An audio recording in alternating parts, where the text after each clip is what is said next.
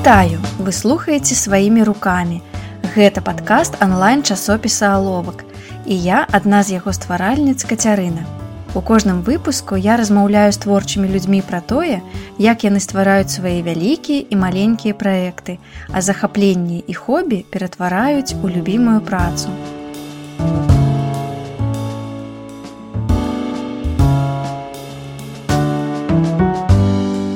Делать что-то не для того, чтобы э, быть успешной, а для того, чтобы наконец почувствовать себя хорошо. Это лучшее решение, которое я приняла во время попыток зарабатывать вышивкой. Ну, это очень дорого. Смертельно дорого. Ну, продавай почки. Да, это больная тема. Я не могу здесь продавать то, что я делаю, за те деньги, сколько это стоит.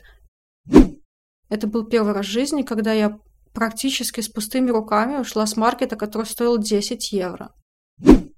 Но у меня получилось много лет заниматься тем, что я люблю, даже в очень сложных условиях.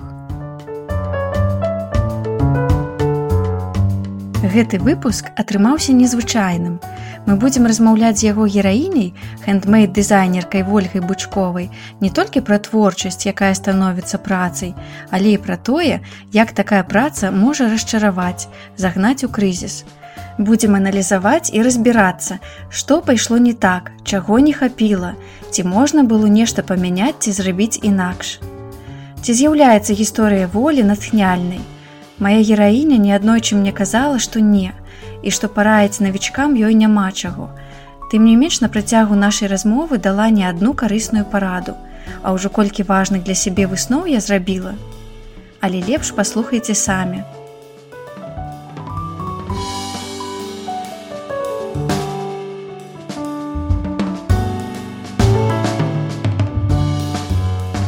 Воля вышывае крыжыкам вялікія батанічныя дызайны на сумках на замову. Яе ведаюць у нстаграме як брэсцкую ша. Я доўгі час думала, што брест родны горад волі. Аказалася не, яна жыве ў мінску, у які пераехала калісьці з вёскі асіповіцкага раёна. Неяк побач з домам, у якім жыве, воля ўбачыла шыльду брэсцкая ша, брэсцкая шаша. Так і нарадзіўся нікнейм. Мая гераіня кажа, што займаецца вышыўкай усё жыццё. Ну, прынамсі з 10-11 год. Даставаць схемы ў вёсцы было цяжка, карысталася тымі, якія былі даступныя ў падпісных выданнях. Вучылася воля на беларускай філалогіі і літаратуры ў педагагічным. Пайшла туды, бо можна было атрымаць другую спецыяльнасць журналісцкую, але адукацыяй сваёй расчаравалася, спрабавала працаваць журналісткай, не зраслося. Что отбывалось далей, рассказывая Воля. После университета у меня был кризис, он длился очень много лет. Я вообще не знала, кем я хочу стать, когда вырасту. И что нужно сделать для того, чтобы вырасти. И, в общем-то, дошло до того, что я начала болеть. И я очень долго болела. Я болела всем подряд. В какой-то момент, э, когда у меня уже была огромная пачка документов, анализов, которые не помогали мне разобраться, почему я болею всем подряд по очереди и ничего это не заканчивается, я попала на психотерапию. Спустя года два психотерапии я начала приходить в себя, осознавать себя в пространстве и начинать думать в сторону того, чего я хочу, кем я хочу быть, куда я хочу идти, что мне нравится, что мне не нравится, что в моей жизни было сделано для родителей, что было сделано для меня. Почему в школе я была отличницей, а в университете я не хотела учиться абсолютно. И где-то в этот момент э, появилось э, желание творить. Возможно, мы с терапевткой пришли к моему внутреннему ребенку, который был готов к этому наконец-то. И делать что-то не для того, чтобы э, быть успешной, а для того, чтобы наконец почувствовать себя хорошо. И тогда появилось желание вышивать больше и попробовать найти людей, кому это будет нужно. Потому что то, сколько я вышивала и сколько мне хотелось, мне столько было не нужно. То бок ты не пераставала вышиваць. Ты вышивала нават калі вучылася. Да, но это не было таким процессом, как сейчас, когда я закончила один дизайн и сразу берусь за следующее. Это было такое подсознательное желание, появляется раз в полгода, хочу вышить вот это, все, я иду и делаю это. Медленно, не каждый день, когда у меня есть желание, свободное время. Вышивка это то, что со мной было постоянно, с перерывами но было и никуда не исчезало. Если я уставала от нее, я отдыхала и возвращалась. Вось э, добра ты прыйшла да вышыўкі А як ты вырашыла што гэта будзе менавіта твоя праца і ты хочаш займацца гэтым цэлы дзень ну як звычайнай працай я не помню точный момент потому что точного момента видимо не было эта мысль была у меня в голове она просто была очень логичной вот я вышиваю, что я потом с этим буду делать? Вот я вышью эту картинку, и что теперь? И когда они начинают лежать у тебя э, в шкафу без дела, ну, эта мысль сама собой появляется. Другое дело, что я ее боялась, этой мысли. Долго, медленно к ней шла, пока, наконец, не решилась произнести ее вслух, а когда произносишь, что уже легче становится сразу. А боялась чему? Ну, это принятие решения, принятие решения мне кажется, всем дается сложно. Угу. Это нужно кому-то доверить свой страх. Понимаешь, когда ты произносишь вслух, ты его кому-то уже доверяешь. И это тоже страшно и волнительно. Мы прыйшлі да моманту, як воля вырашыла, што ў яе ёсць справа, якой яна хоча займацца. Мая гераіня магла толькі марыць, што вышыўка сумак стане сур'ёзнай працай, якая зможа забяспечыць жыццё. Пачала яна з таго, што арганізавала сабе дома працоўнае месца, зручнае для вышыўкі, але зразумела, што гэта ёй не падыходзіць і знайшла сабе майстэрню. Спойлер, у канцы выпуска вы даведаецеся, як яна змагла себе такое дазволіць. Я нашла мастерскую, в которой работаю до сих пор. Э, во время ковида сейчас очень редко там бываю, потому что мне далеко ехать, а я не пользуюсь общественным транспортом. Но до ковида я ездила как на работу каждый будний день и занималась вышивкой 3-5 часов. В общем-то, сейчас я занимаюсь 2, 3, 4 часа. Из-за стрессовой ситуации в стране до 5 часов я не доживаю до своих максимальных возможностей, и мне не хватает энергии. Я сняла мастерскую, потому что дома перестала понимать, э, где дом, а где работа. Это такая классическая проблема удаленных работников, фрилансеров. Это лучшее решение, которое я приняла во время вот этих попыток зарабатывать вышивкой. Я люблю работу, люблю там бывать, я хорошо там настраиваюсь на рабочий процесс и ни на что не отвлекаюсь. Угу. А вось глядзі праца рамесніка дызайнера мастака складаецца не толькі з творчага працэса але таксама і ну мы павінны шмат вырашаць іншых пытанняў размаўляць з кліентамі абмяркоўваць заказы прасоўваць сябе так весці соцсеткі. Вось гэты твой працэс працы увесь прахадзіў у майстэрні ці дома таксама? Вось гэты ты называла максімум 5 гадзін у дзень так гэта толькі вышыўка ці гэта ўсё Да, пять часов это вышивка, остальное время я даже не засекаю. Я стараюсь общаться с клиентами днем, вечером я не обсуждаю. Я могу ответить, что да, я вам напишу завтра, но как-то менеджеры в свое время личное. Да, работы очень много, я одна. я много раз слышала советы о том, что если я хочу зарабатывать деньги, мне нужно расширяться, брать в штаб вышивальщиц или вышивать на вышивальной машине дизайны, но это не то, что я хочу делать. Я хочу вышивать своими руками, чтобы то, что я делаю своими руками, покупали друг, другие люди и любили это. Мне не нравится машинная вышивка, она никак не связана с крестиком, я думаю, ты тоже это понимаешь. Так что мой подход ламповый остается за мной. А тое, што ты будзеш э, вышываць на сумках, ты адразу гэта зразумела. Вышивка крестом подразумевает, что ты вышиваешь э, не на любой ткани, а только на специальной ткани. Специальная ткань стоит огромных денег. И сшить из этой специальной ткани целую сумку, ну, это очень дорого. Угу. Смертельно дорого. Ну, продавай почки. Поэтому все вышивали на кусочки этой классной ткани, а потом ее вмонтировали в какую-нибудь другую. Это всегда было похоже на пэтчворк, и мне это не нравилось. В какой-то момент я увидела вот сумку ВКонтакте, и на этой ткани не было больше ничего. То есть это была просто ткань, на которой она вышла и шила из нее сумку. Я подумала, боже, как прекрасно, я хочу. И я подумала, что зачем мне покупать, я же могу сама такое сделать. Начала искать ткань, на которой можно вышивать крестом и не продавать почку. И я нашла ее. Якія мэты ставіла перад сабою воля, калі вырашыла зрабіць вышыўку сваёй працай.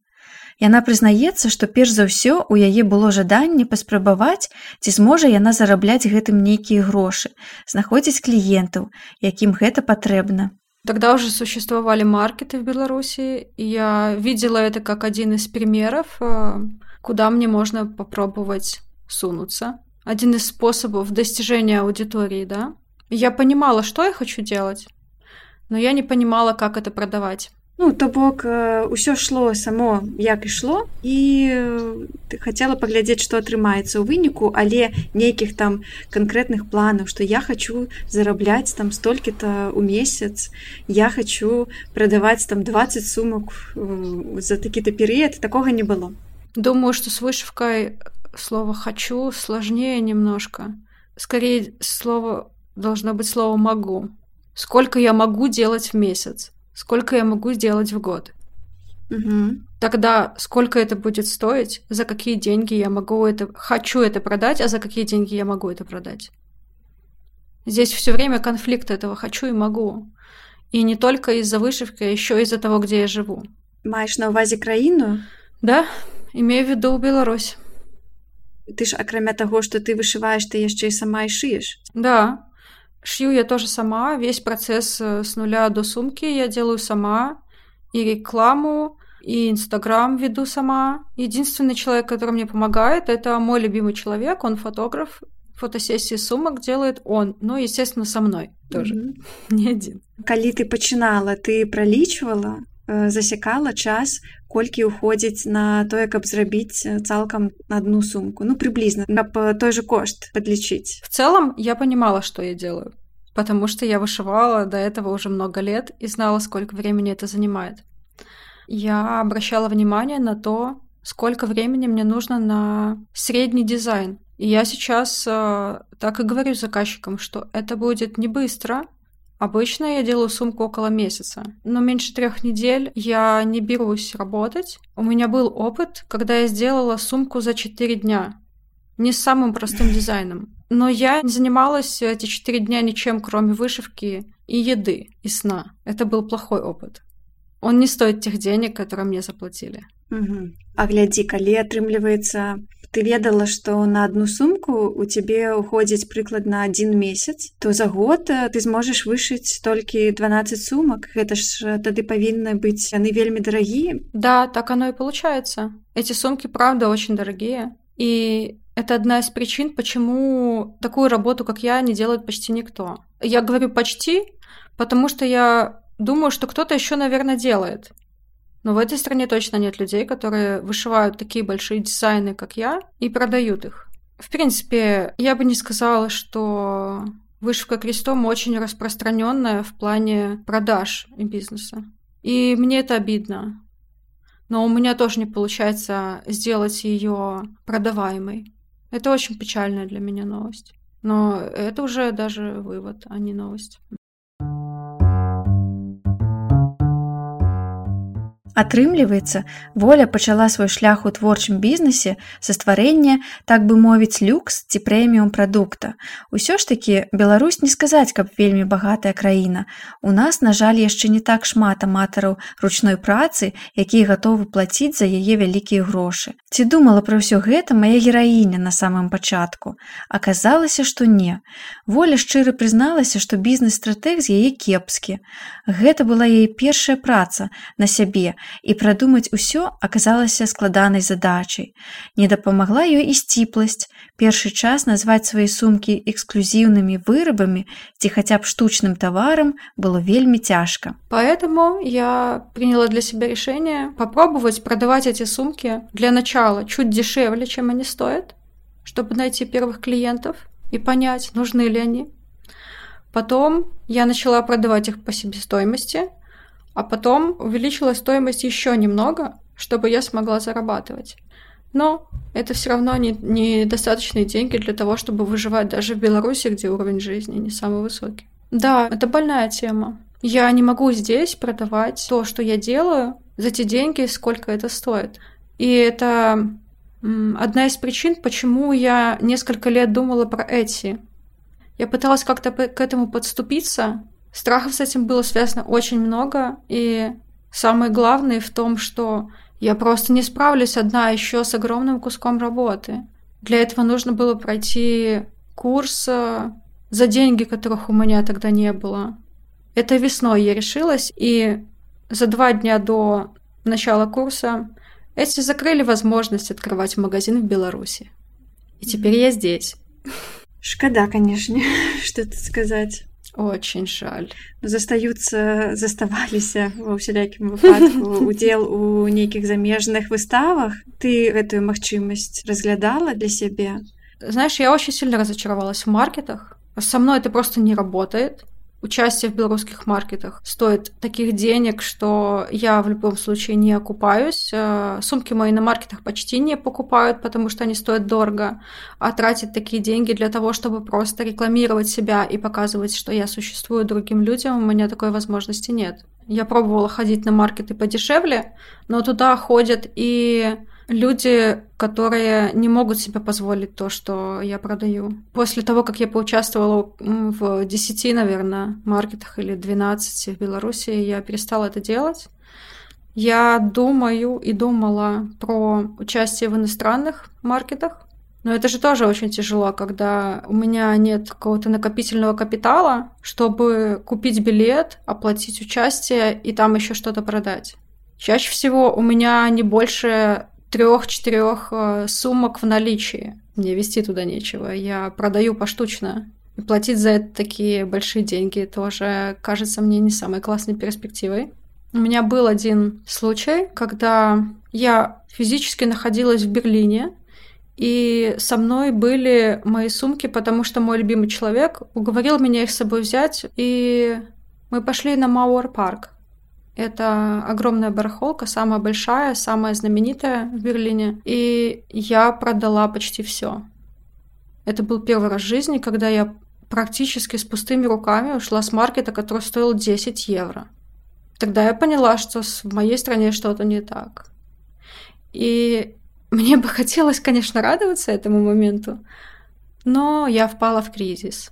Потому что это был единичный случай, устраивать его каждые полгода, каждые несколько месяцев э, было для меня невозможно.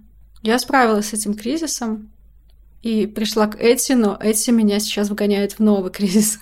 Так, а глядзі, давай вернемся крышку назад. Угу. Вось да цябе прыйшло разуменне, што ты вышываеш, колькі ты за гэта хочаш, колькі ў цябе часу гэта займае. Ты шла ну, з адкрытым сердцам, можа без нейкіх там канкрэтных планаў, але ну, нейкія крокі ты ўсё ж рабіла. Так ты спрабавала ўдзельнічаць у маркетах.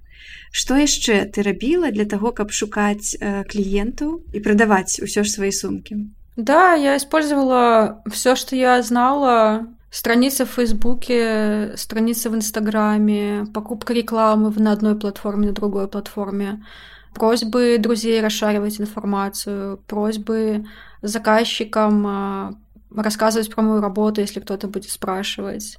Вот такие стратегии. Видишь, даже в Берлин сумки свозила, и это сработало. Я бы сказала, что я тот человек, который эм, использует все возможности, которые видит. Может быть, не так быстро, как мне хотелось бы, потому что я требовательна к себе и с этим пытаюсь работать. Но я все равно борзо лезу туда, куда я хочу, если эта возможность не обламывается, как эти сейчас. Вот на данный момент я нахожусь в легком ступоре о том, куда мне дальше сунуться, а, что мне еще попробовать. Я думаю про то, что у меня остался только Инстаграм. Как бы хорошо бы попробовать рекламироваться как-то в Инстаграме, чтобы ко мне приходили новые люди. У меня очень классная комьюнити сложилась э, в моем рабочем аккаунте. Есть несколько сот человек, которые э, со мной несколько лет, они меня хорошо знают, они заказывали мои сумки или мечтают о них. Это очень классное поддерживающее место, но мне нужно его развивать, пока я не очень понимаю как, потому что слово таргетинг мне не нравится. И то, что я узнаю про таргетинг, мне тоже не нравится. Возможно, я буду продолжать э, просить своих подписчиков рекламировать меня, делать сторис, которые будут расшаривать. Возможно, иногда я буду запускать рекламу в Инстаграме на несколько дней, но сейчас э, по результатам трех продвижений мне результаты эти не нравятся вообще. Приходят чаще всего люди, которые мне меня никогда не закажут, я вижу. Я уже представляю себе человека, который может у меня заказать. Мы дастаткова пакапаліся ў мінулым. Прыйшоў час вярнуцца ў сённяшні дзень. Я прашу волю патлумачыць, што адбываецца з ёй цяпер. З нашай папярэдняй размовы я ўжо зразумела, што натхнення ў маёй гераіне не асабліва шмат. Таму я рада пачуць, што яна яшчэ гатовая пазмагацца за хобі, якое будзе прыносіць ёй даход. Мэта волі знаходзіць хаця б аднаго кліента ў месяц. Гэтага было б дастаткова для таго, каб яна працягвала вышываць сумкі, мела матывацыю і сродкі для існавання. Улічваючы непрыемны досвед з Эці, воля вырашыла, што трэба шукаць штосьці, што яна любіць яшчэ. К счастью, последние четыре года я всерьез заинтересовалась э, гештальт-терапией и даже бессознательно начала обучение. Бессознательно я говорю, потому что я пошла на группу, мне нужна была поддержка, а в этой группе можно было получить первую ступень, и к концу этой первой ступени гештальт-обучения я поняла, что я хочу. Я хочу сертификат, у меня получается, мне нравится то, что я делаю. Это огромный, очень классный мир, в котором я могу получить то, чего я не получаю, работая одна — связь с людьми. И я продолжаю. В этом году у меня началась э, вторая ступень обучения. Это очень долгий путь впереди, но года через два, если я буду очень смелой, переборю свои страхи, я смогу брать на консультации людей, не бросая вышивку, а существуя вместе с ней. Потому что это тот творческий процесс, который меня поддерживает. Это то красивое, что я могу создавать руками, а не мыслями. Угу. Вот я на таком пути. Так, а давай тады паспрабуем яшчэ прааналізаваць э, з табою ўсё ж такі на твой погляд, што было можа нешта не так зроблена. Ці можа ты зрабіла нейкія памылкі, якія не выправіла. Что ты думаешь на гэты конт? Все ошибки, которые я сделала, исправлять не нужно, я думаю. Думаю, что они мне все нужны были для того, чтобы понять что-то про свою работу. Я знаю, чего мне не достает, чтобы этот путь был легче, но я все равно не смогу это добавить. Я не могу добавить себе смелости, потому что я такой человек. Я не могу избавиться от страхов просто потому, что с ними нужно учиться жить. Так, глядзі, ты казала, што ты не можаш зрабіць сябе больш смелай. Таму як бы гэты калі можна так называць памылкі так ну не памылкі канешне ж гэта не памылкі но гэта не, мо, не можна выправіць А чаго ты э, баялася тады? Што магло пайсці не так? Ты баялася прасоўваць сябе ці нечага яшчэ mm, да. Синдром самазванца Боюсь быть непринятой, боюсь быть непонятой, неуслышанной, бедной. В общем-то, все страхи нормальных людей. Продвигать себя даже не боюсь, наверное, а это скорее про стеснение. И это продолжает происходить со мной, но другое дело, что я делаю с этими страхами? Я с ними живу. И если раньше страха было больше, то сейчас больше интереса. Очень многое зависит э, в моем состоянии от того, что я делаю с этим состоянием. Делаю ли я с ним что-то. А я делаю. Поэтому тот страх, который был у меня года три назад, И тот страх, который есть у меня сейчас, это два разных страха. Угу. Ну, то бок усё ж такі ну развіццё ідзе давай тады я паспрабую інакш сфармулировать сваё пытанне чаго на твою думку ўсё ж таки не хапіла табе каб ну паўнавартасна зарабляць колькі ты хочаш ну мне сложно ответить на этот вопрос какие-то понимания которые пришли ко мне мешают мне зарабатывать деньги понимание что то что я делаю для этой страны слишком дорого Люди не смогут это покупать. Люди вместо того, чтобы пойти и купить у меня, они об этом мечтают, например. Да, это немного лестно, но одновременно это и обидно. Я не могу продать то, что я делаю людям, которые об этом мечтают. Какие-то ограничения из-за страны, да, это то, что мне сейчас сильно мешает. Мне мешает то, что происходит в стране, потому что я не могу нормально работать. А калі э, ты можешь сабе задать сама пытанне, што я б могла зрабіць яшчэ, чаго я не зрабіла, але варта было б. Вось что ты откажешь? Я делала все. Слушай, вот э, спасибо, что ты задала этот вопрос, потому что сейчас я понимаю, что я делала все из возможного. Не было ни одной темы, которую мне говорили, да, Оля, попробуй. И я говорила, не, я не буду. Я, блин, пробовала все. Эти висел надо мной, когда Моклов меч много лет, и я даже до него дошла. Я, правда, ни о чем не жалею. Этот путь был таким, какой он был. И смотри, он еще есть. И во мне еще есть силы, чтобы делать что-то. Я вообще этому удивляюсь, откуда они есть.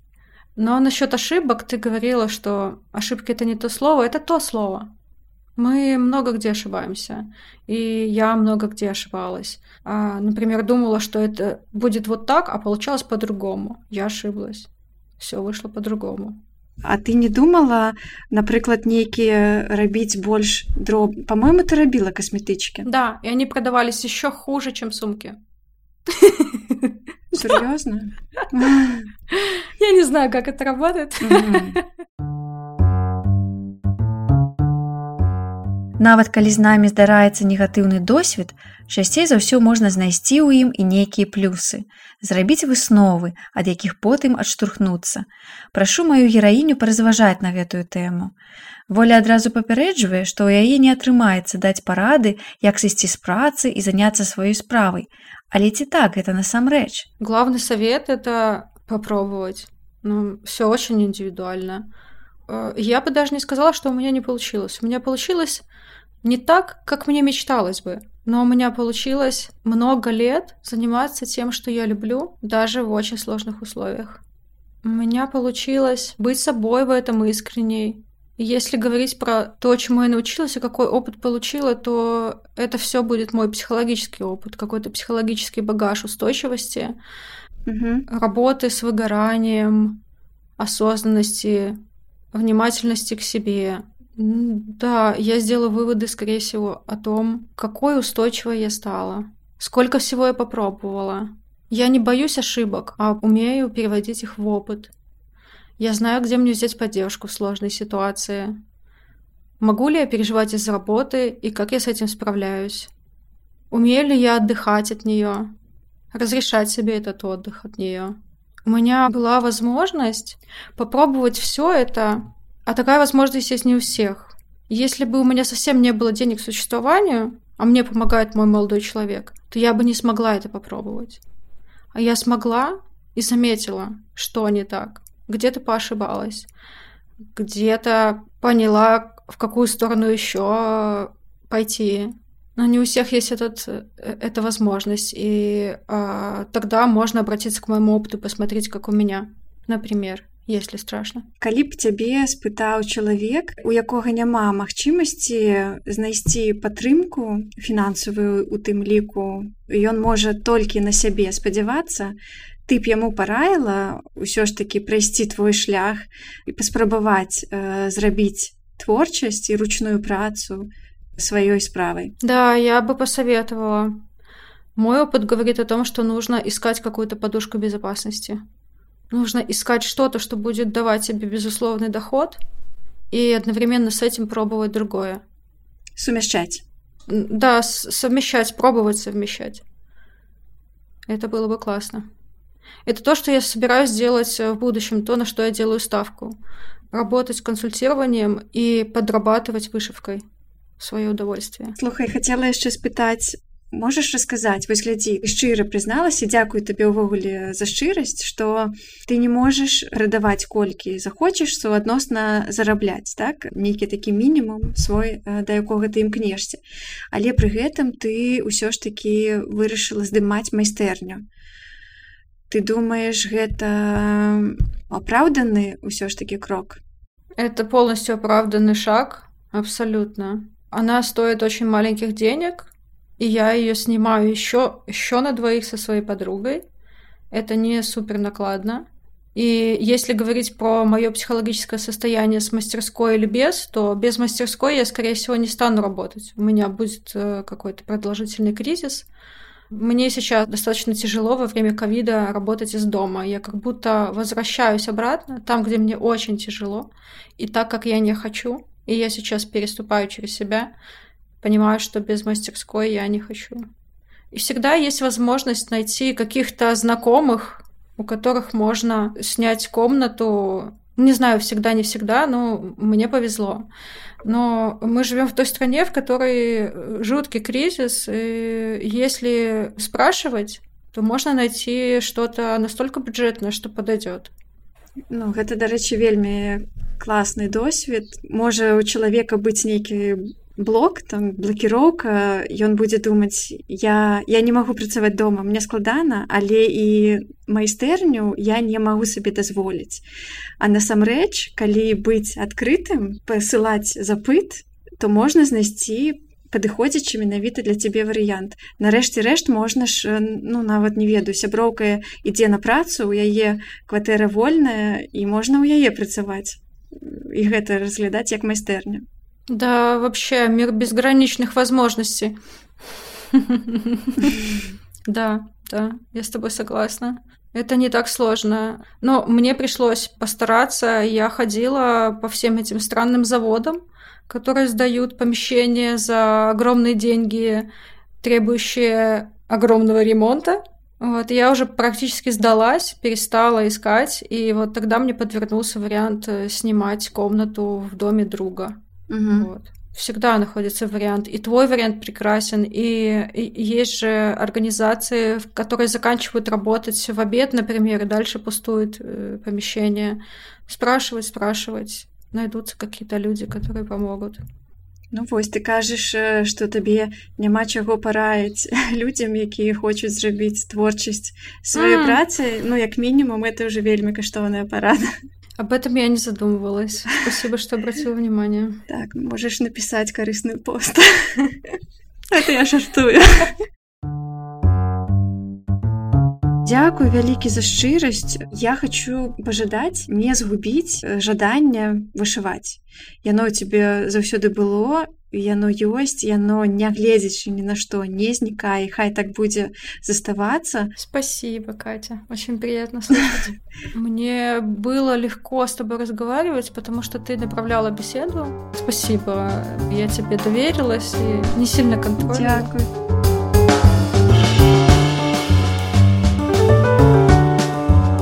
Гэта быў пяты выпуск падкаста сваімі рукамі. У апісанні выпуска вы знойдзеце спасылку на профіль нашай гераіні ў нстаграм. Дзякую усім, хто праслухаў гэты выпуск да канца. Калі вы маеце нешта сказаць, пакідайце свае каментары ў кастбокс, Apple падкастах, на нашым сайце ці ў профілі ў нстаграме. Калі ласка, не саромцеся пакідаць добрыя водгукі падкасту. Вам не складана, а для падкаста гэта сапраўды вельмі важна.